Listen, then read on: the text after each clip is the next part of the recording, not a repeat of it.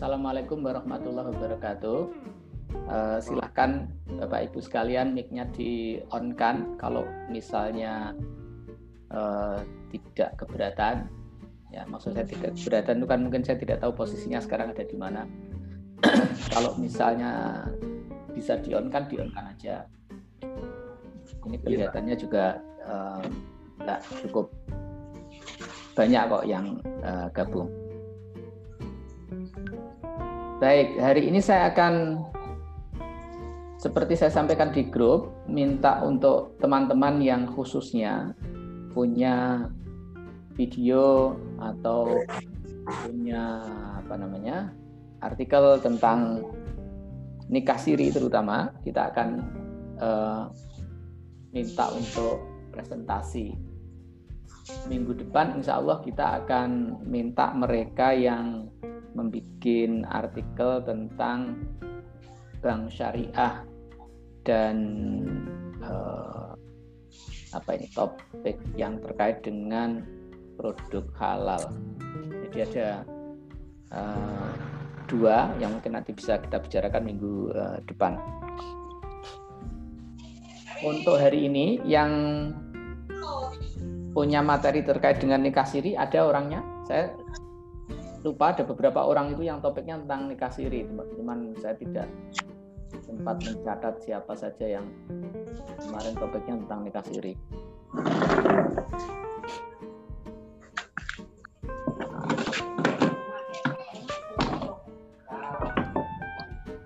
ada nggak yang menulis tentang nikah siri yang sudah hadir di forum ini sekarang?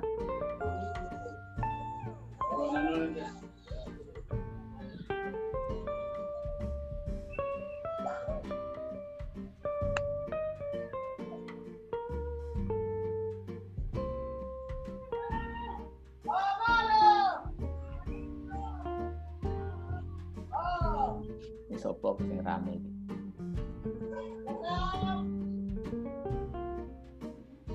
Apa kabar Aziz? Alhamdulillah Pak baik. Bapaknya jalan-jalan ke Lombok apa gimana Pak? Ada ombak-ombak besar gitu. Pantai Parang Tritis kuisis.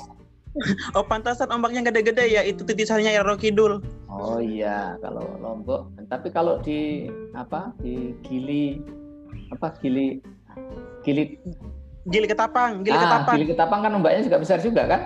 Ya, Pak. Ya, tapi kalau yang dekat kota itu kayaknya sih ya ombaknya sejuk-sejuk aja ya. Apa saya saya lupa pantainya di dekat kota itu. Kalau naik Gojek uh, cuman paling 20 menit ya. Uh, di kota Mataram maksud saya. Ya, Bang. Sehat, Pak? Ya, alhamdulillah. Alhamdulillah. Kamu kapan kembali ke Jogja? Ya, insya Allah kalau udah keadaannya udah mulai membaik, Pak. Keadaannya tidak akan membaik, kamu gimana? Aduh, ya. Ini keadaan begini sudah akan normal sampai uh, setahun ke depan mungkin. Jadi tidak bisa diharapkan keadaan yang lebih baik lagi. Sekarang ini sudah ya gini saja gitu, tidak ada kayaknya tidak akan ada perkembangan yang menjanjikan. Ada apa namanya eh, vaksin atau apa ya paling tidak banyak membantu. Yang divaksin ya baru orang-orang tertentu kan tidak semuanya gitu. Oke. Okay. Iya. gimana? Ada yang uh, tulisannya tentang nikah iri. Saya lupa siapa tapi kan ada dua atau tiga orang yang temanya tentang nikah siri. Siapa yang dari Kebumen itu kalau nggak salah nikah siri kan? Saya bukan Pak. Yang wawancara ketua NU itu, oh ya itu hand sanitizer ya. So, itu yang terkait itu alkohol. Ya siapa yang nikah siri itu hanya ada. Aku nikah siri Nikah siri kayaknya masih masih ikut idakon kayak. ya, Baik, saya mengapa uh, mengajak untuk membicarakan nikah siri? Karena saya kira memang topik itu terkait dengan uh, hal yang aktual sekarang itu mungkin mungkin banyak orang ya yang uh, melakukan nikah siri. Terus kemudian yang kedua sebenarnya nikah siri itu apa, bagaimana dan apa betul nikah siri itu uh, boleh dan tidak boleh. Itu fikih sangat uh, saya kira sangat kontemporer gitu ya. Jadi uh, nanti kita bisa mendiskusikan ini dengan lebih baik. Gitu. nikah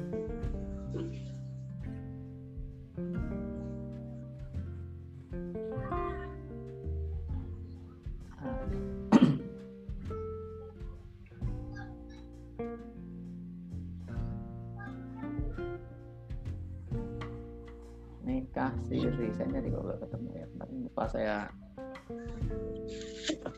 tandai. Nunggu yang lainnya ya.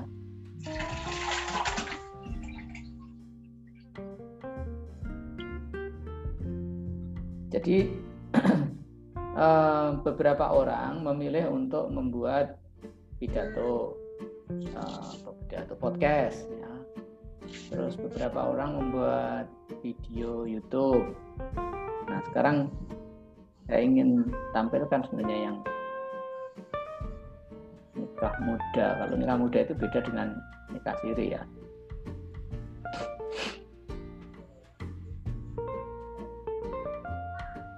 Yang nikah muda ada nggak yang uh, sudah ada belum orangnya? Ini mumpung temanya tentang nikah mungkin bisa kita ini ada si Asrof Rozi ini tentang nikah muda? Oh bukan bukan video tentang bank syariah. Oke bank syariah minggu depan ya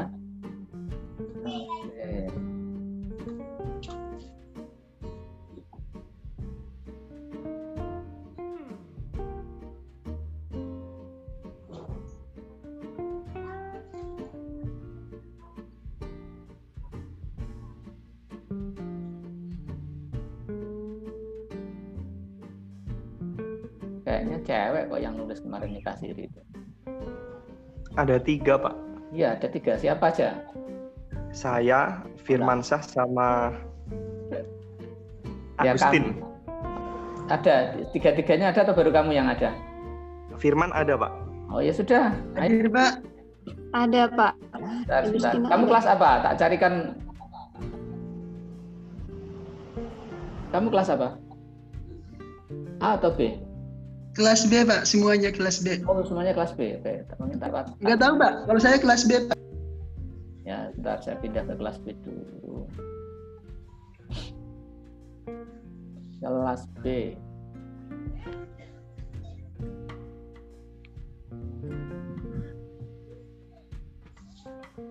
Oke. Uh, siapa tadi Firman? Terus siapa lagi? Agustin sama Yusuf pak. Agustin Agustin. Agustin itu jenis apa lengkapnya Agustina kelas C pak. Oh. Oh kelas C. Ya sebentar. Ini yang kelas B? Kelas B Firman pak. Firman. Rano jenis Firman kelas B ya? Firman siapa? Muhammad Muh Firman siapa? Hmm, uh, Mo pakai Muhammad Nah. Atau kamu bisa nggak presentasi? Kamu punya uh, materinya untuk di share langsung, share screen begitu?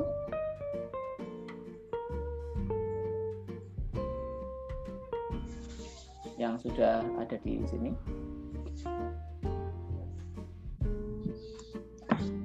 Agustina, oke, Agustina, Agustina, Agustina.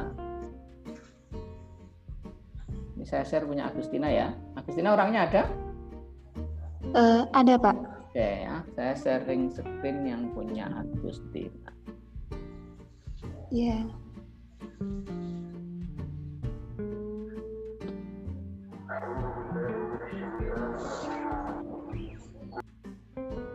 Penuh pengajian barang.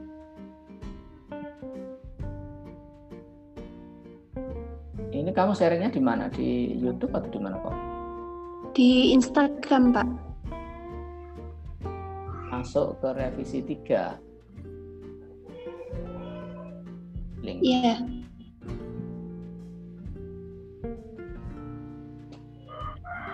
Ini contoh ya Pak Bu sekalian.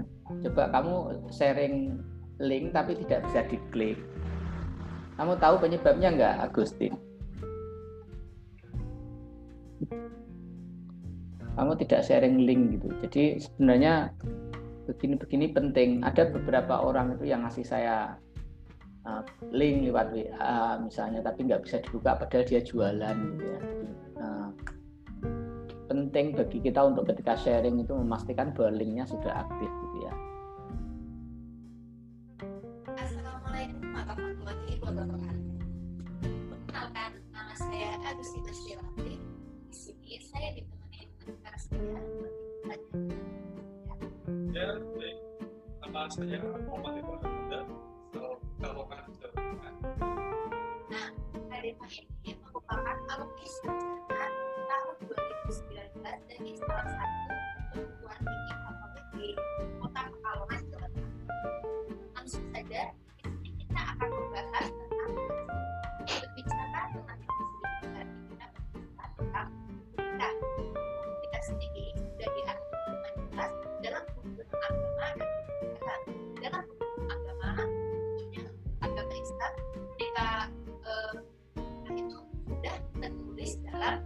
suci Al-Quran dan dalam hukum negara hukum negara Indonesia itu sudah diatur. Dan nikah itu bermacam-macam. Ada nikah siri nikah Quran dan nikah nikah lainnya tidak semua ada nikah yang tidak sah bahkan nikah yang sifatnya eh, apa lalu bagaimana dengan nikah siri yang akan kita bahas. Pemahaman saya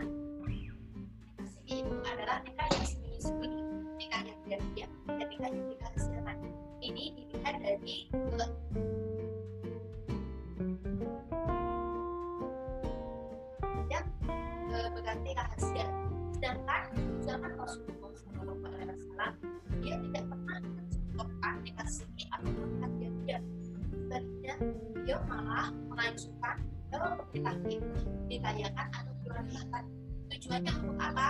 Yaitu untuk memperkenalkan bahwa mereka itu sudah dan untuk menghindari adanya fitnah. Namun di zaman sekarang ini banyak orang-orang yang yang mengambil jalan siri untuk melakukan perzinahan apakah dari sini dapat dikatakan kalau nikah siri itu eh, sah dengan dia nikah siri itu jadi ya satu sisi. Tidak semua nikah siri diam-diam atau dirahasia artian dari nikah siri menurut yang saya temui nikah siri tidak ingin melaporkan ke kantor usaha menurut saya sih setuju. Tidak apa nikah siri karena dalam nikah siri juga terdapat apa atau adanya apa adanya juga adanya transaksi jam dan kalau nanti itu ya, di zaman sekarang ini kebanyakan nikah siri yang yang hanya tidak terkatakan dalam atau agama namun siri yang tidak disertai bukankah ini membuktikan bahwa banyak siri yang tidak sah nah,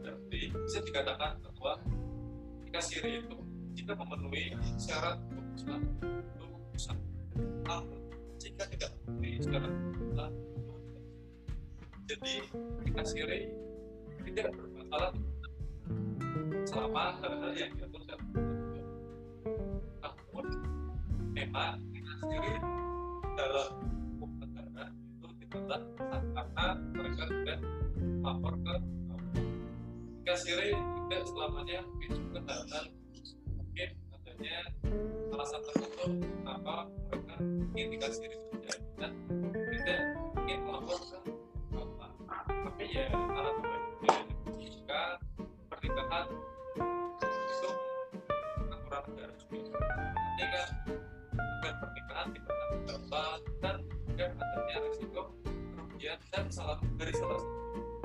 Contohnya yang paling penting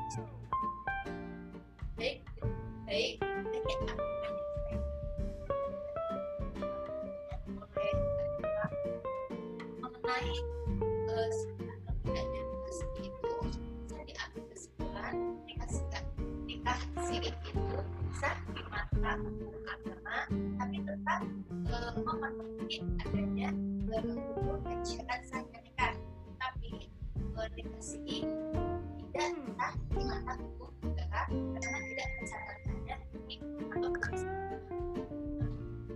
siri ini masih tetap menjadi kontra dalam eh, masyarakat ya sekian dari kami jika ada keliruan atau kesalahan kami dalam menyampaikan topik ini kami mohon maaf sebesar-besarnya Eh, sekian wassalamualaikum Waalaikumsalam warahmatullahi wabarakatuh.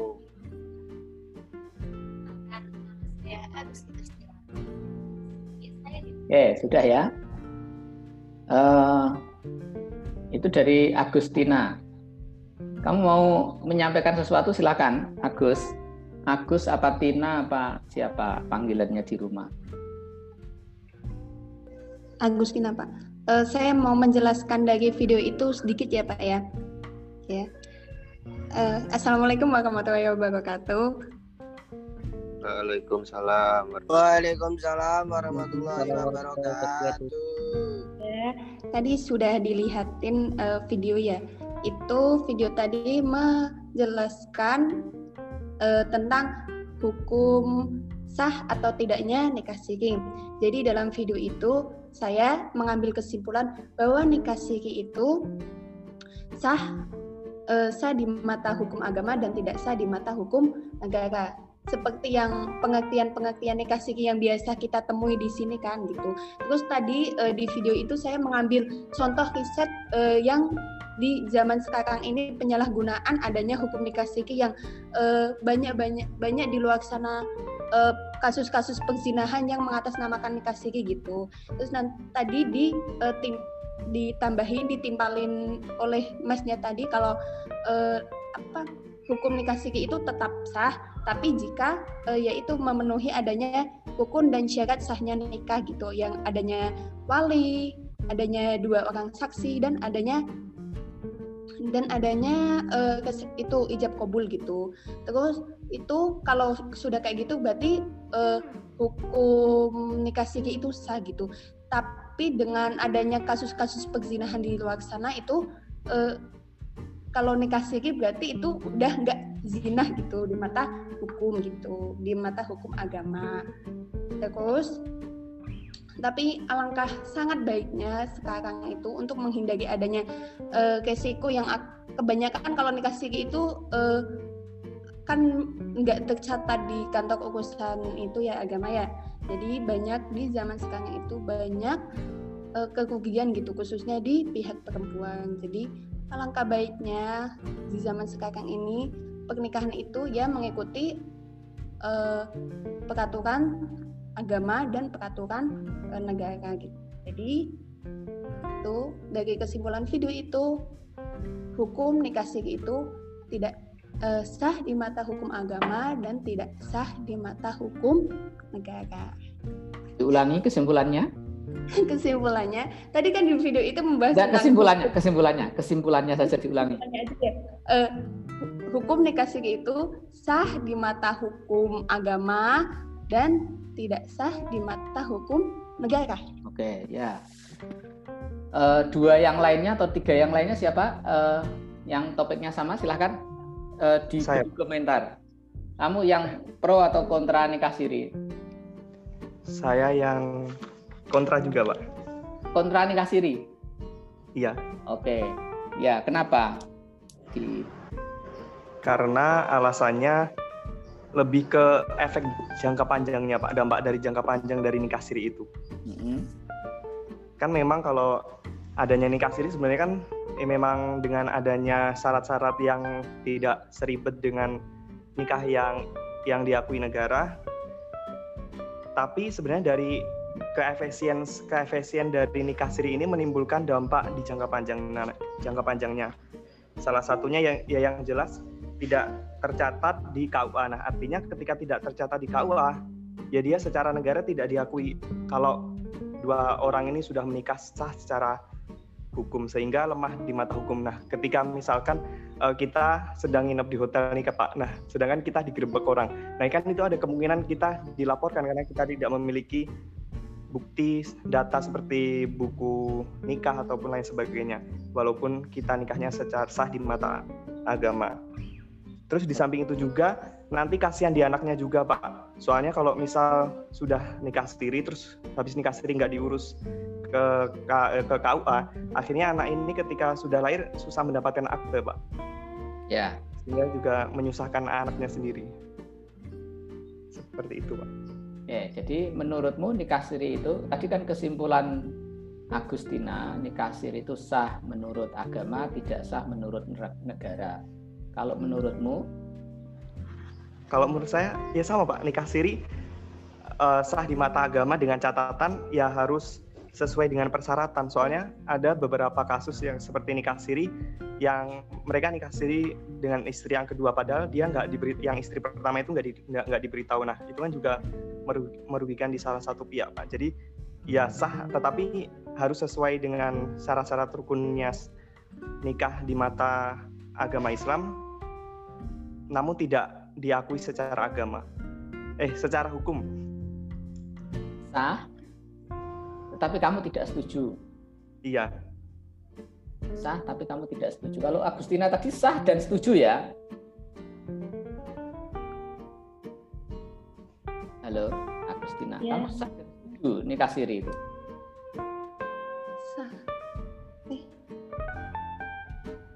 Menurut kesimpulanmu tadi, kamu setuju nggak nikah siri itu?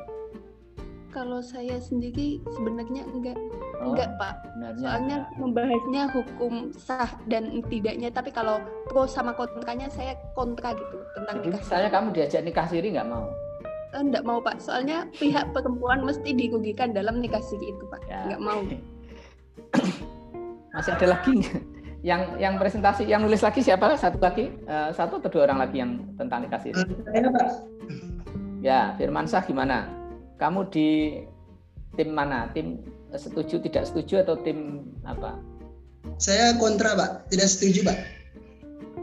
Ya, kamu tidak setuju kenapa tidak setuju? Ya, penjelasannya hampir sama kayak Mas Yusuf sama Mbak Agus. Uh, karena nikah siri itu dampak buruknya kalau menurut saya nikah siri itu uh, banyak menimbulkan uh, dampak buruk, Pak. Dampak buruk. Uh, terutama buat kalangan kaum wanita jadi apabila dari seorang pria yang telah menikah, yang telah melakukan nikah siri, apabila telah pergi atau uh, meninggal, eh, pergi atau menghilang gitu, maka uh, si wanita itu susah untuk melakukan penceraian kayak gitu pak, atau susah mengurus sesuatu, eh, susah mengurus uh, penceraian atau sesuatu yang berkaitan dengan harta warisan kayak gitu pak. Iya, ya perceraiannya nggak ada, om nggak pernah menikah kok bercerai. Maksudnya kan kalau diurus secara lembaga kenegaraan kan nggak bisa. Ya, iya kan makanya karena kan menurut negara nggak pernah nikah ya. Ah, uh, iya kayak gitu pak.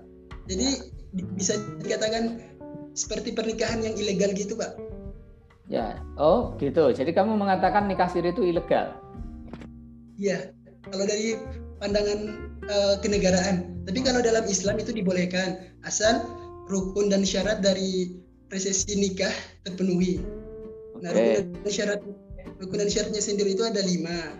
Tadi kan adanya mempelai pria, mempelai wanita, terus uh, adanya ijab kabul dan lain-lain. Begitu, Pak.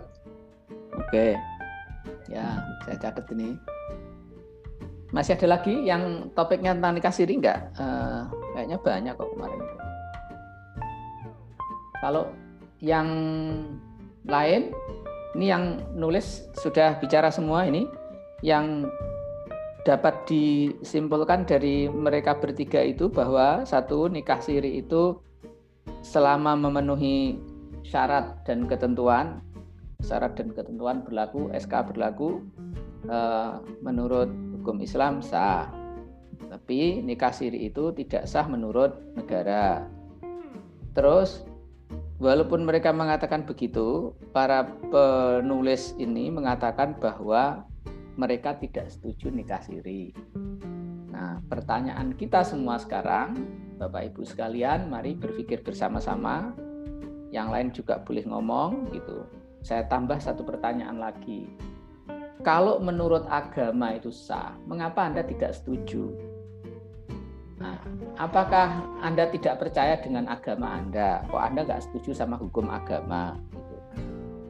Jadi kalau menurut agama itu sah, mengapa kamu tidak setuju? Nah ini pertanyaan penting karena ini mata kuliahnya tentang fikih gitu ya. Lalu fikih membolehkan, tapi kamu tidak setuju apa fikih nggak usah dipakai gitu misalnya ya. Gimana? Silahkan kalau ada yang mau berpendapat. Terbuka untuk umum diskusinya. Saya, Pak. Silahkan.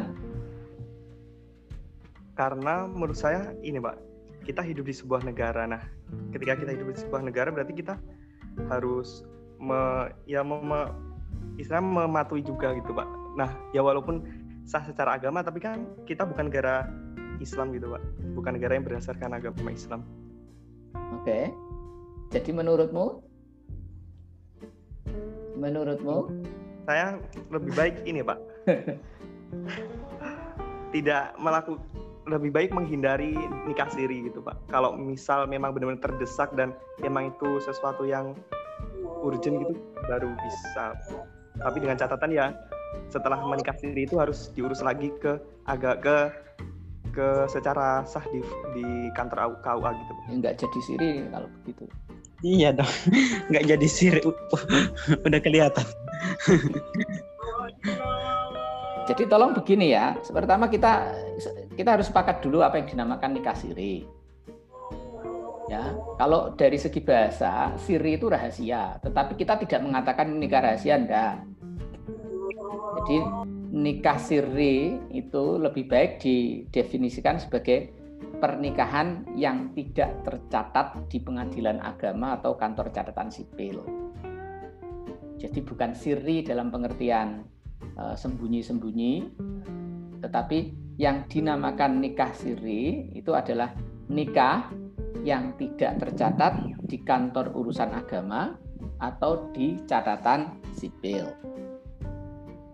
Sepakat ya? Ini tolong dipahami ini biar nanti kamu nggak terjebak oleh apa ya oleh perbedaan definisi. Nah, dengan demikian ya nikahnya itu memenuhi syarat dan ketentuan. Pasti nikahnya adalah nikah yang ada saksinya, ada maharnya, terus kemudian ada walinya kalau dia perempuan dan masih gadis dan seterusnya ya.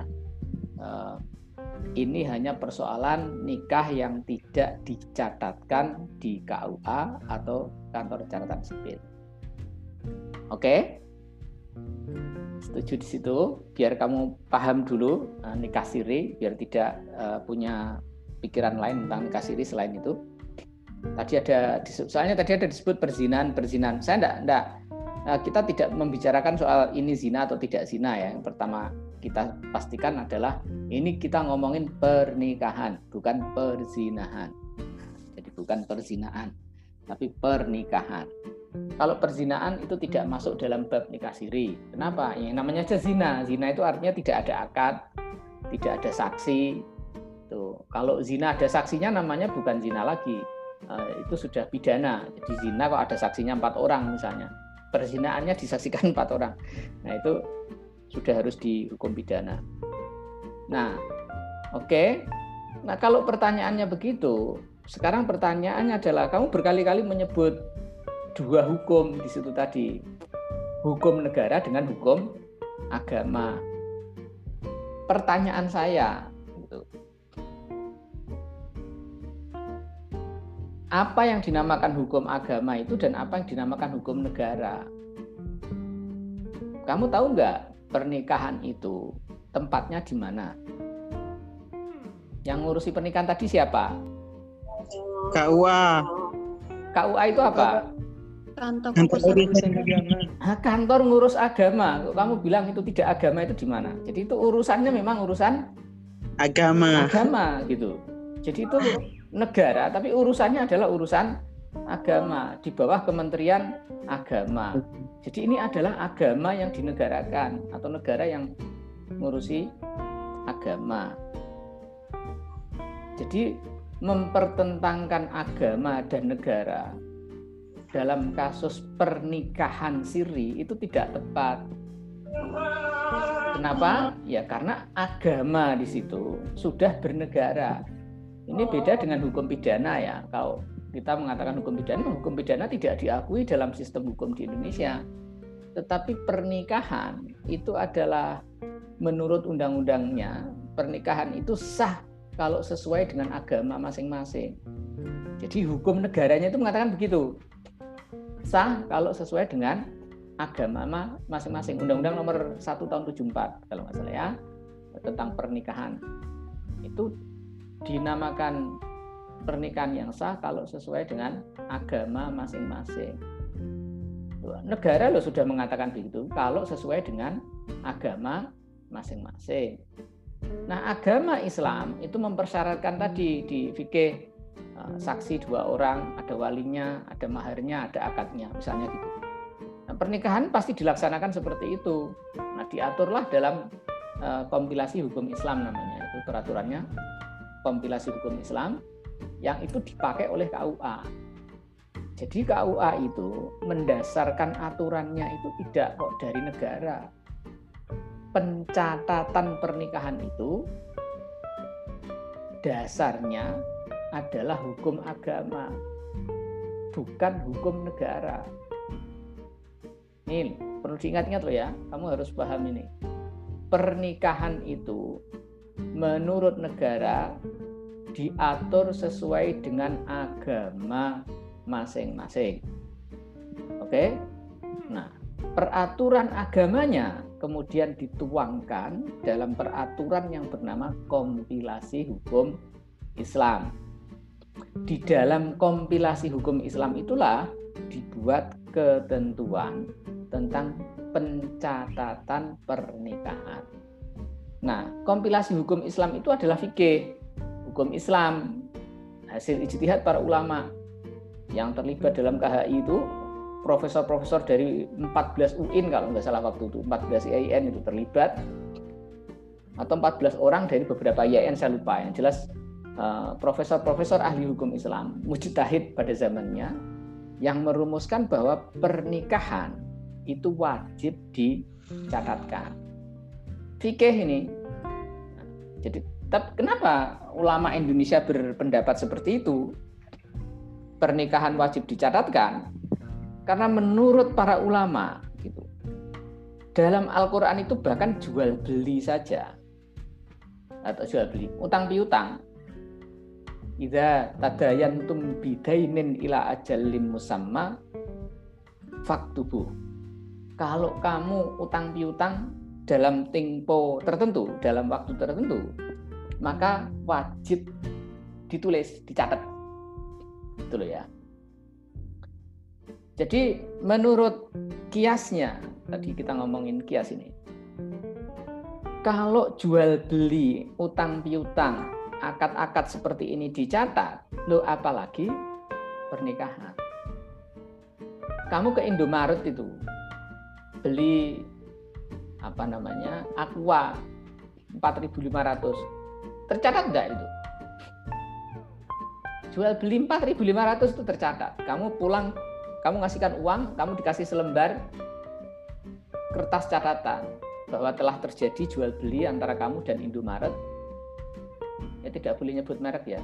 Uh, antara kamu dan toko Maret. Nah toko Maret itu terjadi jual beli berupa uh, minuman botol seharga 4.500 sah. Nah, jual beli saja itu tercatat dan ada akadnya.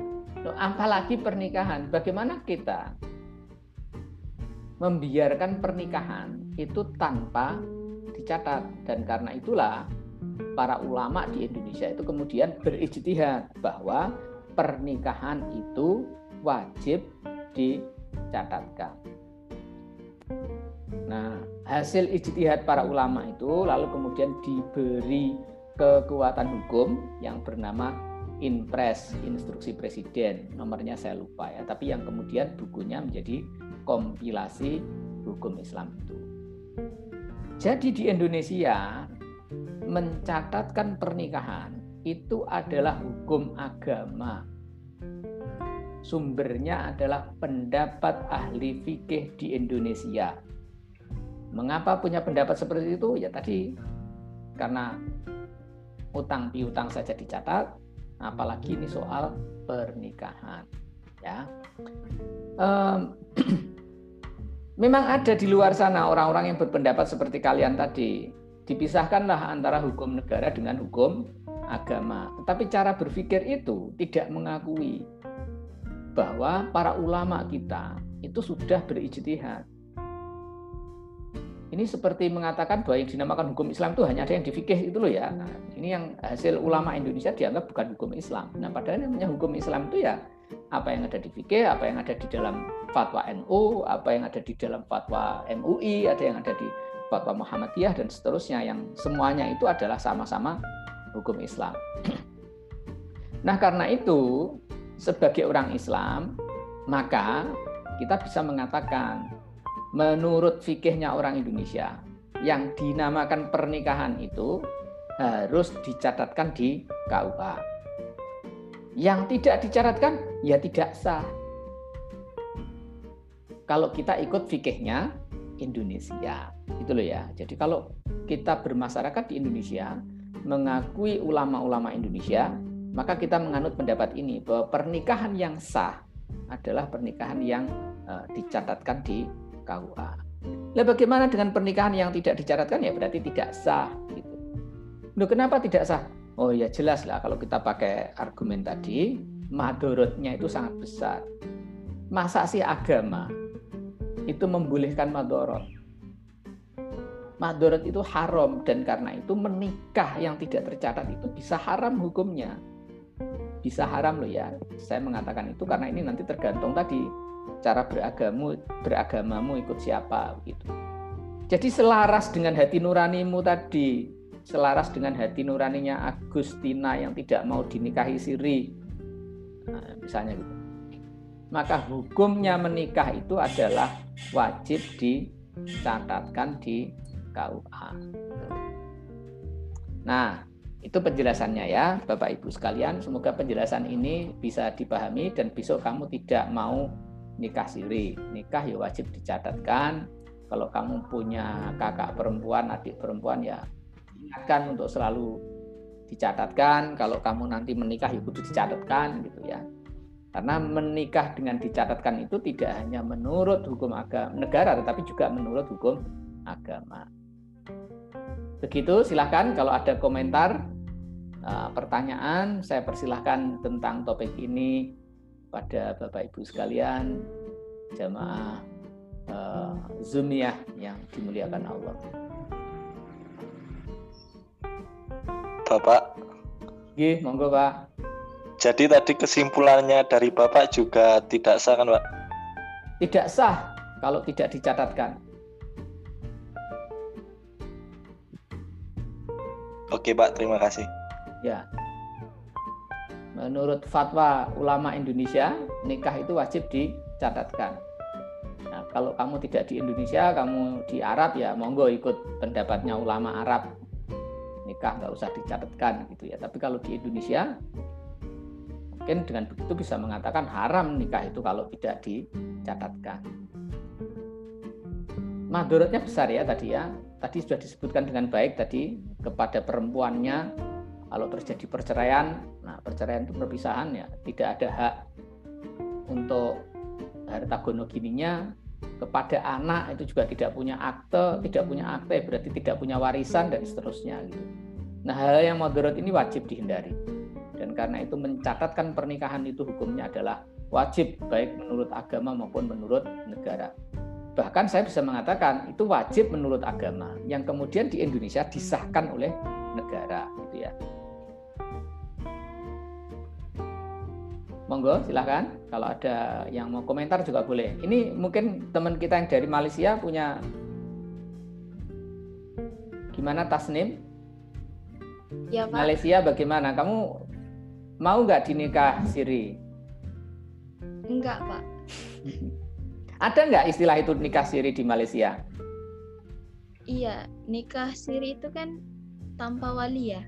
Oh bukan, kalau di Indonesia nikah siri itu tadi sudah saya sampaikan nikah siri itu artinya nikah tidak didaftarkan di apa kalau di Malaysia ya um, apa namanya kantor catatan sipil kalau di Indonesia ada uh, kantor urusan agama atau apa. Kalau di Malaysia saya tidak tahu saya uh, kayak ini ya kayak didaftarkan tuh dapat sertifikat, ya, ya dapat sertifikat.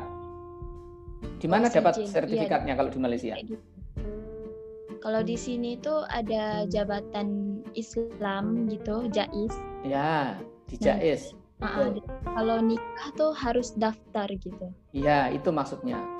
Ada nggak orang yang nikah tidak daftar di jais? Uh, itu kalau yang begitu tuh nggak disahkan gitu. Ya, nggak disahkan. Tapi ada nggak orang diam-diam nikah misalnya sama ustadz atau kiai saja disaksikan, dinikahkan. Jadi di Indonesia itu nikah siri itu dinikahkan biasanya oleh kiai gitu ya atau ustadz. Nah, uh, nikah dengan dua orang saksi, terus kemudian ya ada semua syarat dan rukunnya kecuali pendaftaran itu dilakukan. Ada nggak praktek seperti itu di Malaysia orang? Hmm, mungkin ada, tapi saya kurang tahu. Oh ya, mungkin ada tapi kurang tahu ya. Mungkin nanti bisa ditanyakan ke tetangga-tetangganya ya. Apakah ada yang uh, nikahnya tidak dijais? Nah ini memang antara Indonesia dengan Malaysia itu juga berbeda dalam hal urusan agama. Um, seperti kita ketahui misalnya kalau di Indonesia organisasi seperti Muhammadiyah misalnya itu bisa mengumumkan lebarannya sendiri. Muhammadiyah hmm. itu kalau di Indonesia bisa mengeluarkan fatwa besok lebaran lah walaupun pemerintah mengatakan Selasa eh, apa Rabu lebaran. Nah, kalau di Malaysia nggak boleh. Di Malaysia itu satu-satunya yang boleh mengatakan kapan lebaran itu adalah eh, pemerintah gitu. Ya, kerajaan. Iya, kerajaan ya. Eh, ada mufti kerajaannya gitu kan yang ya. mengeluarkan keputusan kapan lebaran. Di Indonesia ini enggak, memang orang Indonesia ini memang agak susah diatur memang. Jadi kalau urusan uh, agama itu ya tadi sok ini ada agama, ini ada negara. Kalau di Malaysia lebih terintegrasikan dengan negara. Karena memang Malaysia itu kerajaan uh, kerajaan Islam ya kalau mengakui ya. Iya, Pak. Betul begitu. Baik, uh, ada yang mau komentar lagi silahkan.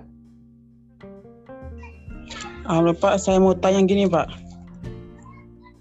Ya. Ya gini Pak, uh, kayak saya kasih contoh satu kasus gini. Kalau uh, ada yang udah berumah tangga nih, nah terus laki laki-laki itu kayak punya simpanan atau selingkuhan lain gitu. Nah selingkuhan lain terus mereka tuh kayak saling suka antara apa namanya laki-laki dan perempuan saling saling mencintai. Nah terus karena tidak diizinkan untuk menikah lagi, maka mereka kayak melakukan nikah siri gitu pak. Nah, yeah. karena karena itu ya ini kita berbicara kayak apa, batin gitu pak. Masih batin kan ya. karena sudah saling sudah mencintai. Akhirnya dia mau mengorbankan segala-galanya tidak tidak mau berpikir panjang lagi ke depannya seperti apa. Gitu ya. loh. Mm-hmm. terus kita terus kembali lagi kita berbicara tentang konteks uh, nikah. Nah menikah itu kan untuk uh, menyempurnakan agama. Nah katanya menikah itu untuk menyempurnakan agama. Terus uh, bagaimana mereka yang uh, menikah siri dengan laki orang tadi pandangan apa apa itu pandangan agamanya kayak gimana? Maksudnya dalam konteks uh, penyempurnaan agama itu di kategori dalam nikah siri itu nikah siri itu berarti pak? Ya kalau jawabannya kan jelas kalau menurut saya ya. Kamu tidak boleh dengan alasan cinta kemudian berzina sama dengan dengan alasan cinta misalnya kamu mengkhianati istrimu. Ya kalau nikah itu kan komitmen ya. Uh, kalau kamu memang sudah tidak mencintai istrimu ya sudahlah cerai gitu. Terus kemudian kamu menikah dengan orang yang kamu cintai gitu. perilaku apa pun atas nama apa pun gitu. Kalau melanggar komitmen itu tidak boleh gitu kan. Jadi persoalannya adalah kamu melanggar komitmen. Entah itu kamu melanggar komitmennya dengan topeng. Misalnya ya dengan topeng nikah siri. Atau melanggar komitmennya dengan topengnya lain. Misalnya sekarang ada uh, sedemikian rupa sehingga orang poligami misalnya gitu. Atas nama agama. Poligami sunnah nabi misalnya. Padahal sebenarnya ya nggak sunah-sunah amat. Dia sedang melakukan poligami itu tidak lebih dari sedang berpetualangan uh, saja. Petualangan cinta gitu. Ya jadi atas namanya tapi agama. Atas nama agama ya nggak apa-apa gitu. Uh, maksud saya nggak apa-apa itu ya uh, atas nama agama yuk karena tapi kalau kita mau konsisten terhadap aturan agama ya sudah. Nikah dengan satu. Kalau mau nikah lagi minta izin. Minta izin itu kan juga hal yang baik ya. Minta izin nah syukur kalau diizinkan sama istri karena toh juga undang-undangnya memungkinkan di Indonesia itu diakui pernikahan poligami itu tidak haram asal dengan uh, izin sama istri pertama gitu kan gitu ya Ziz terus maksudnya kalau uh, penyempurnaan agama dalam konteks nikah, nikah siri itu gimana Pak? Nah, dia tidak menyempurnakan agama dia itu. Dia sedang mengkhianati agama dan istrinya. Menyakiti manusia itu tidak boleh atas nama agama. Dia hanya beratas nama agama, tapi menyakiti orang lain. Nggak bisa. Berarti nggak benar gitu Pak ya? Hah? Berarti nggak benar gitu ya? Nggak benar lah. Jelas nggak benar itu menggunakan agama sebagai topeng itu. Oh iya, yang Bagaimana dia mau menyempurnakan agamanya kalau menyakiti hati orang lain? Siap-siap Pak. Makasih Pak ya. Ya, saya kira kalau tidak ada lagi pertanyaan dan tanggapan, kita cukupkan pertemuan uh, hari ini. Sekali lagi, insya Allah minggu depan topiknya adalah yang terkait dengan perbankan. Nanti akan saya share lah di uh, apa di grup lebih detailnya siapa yang akan presentasi minggu depan. Mungkin tidak hanya satu topik ya. Saya kira itu. Terima kasih untuk partisipasinya. Nanti seperti biasa uh, kuliah hari ini akan kita upload di Facebook, eh Facebook, di YouTube dan di uh, Spotify dan uh, kita share untuk mereka yang karena satu dan lain hal tidak bisa bergabung. Sekali lagi terima kasih. Mohon maaf bila ada khilaf. Bila walidayah. Assalamualaikum warahmatullahi wabarakatuh. Waalaikumsalam warahmatullahi wabarakatuh. Barang Pak, Bu sekalian. Terima kasih Bapak. Terima kasih Pak. Oke, Pak.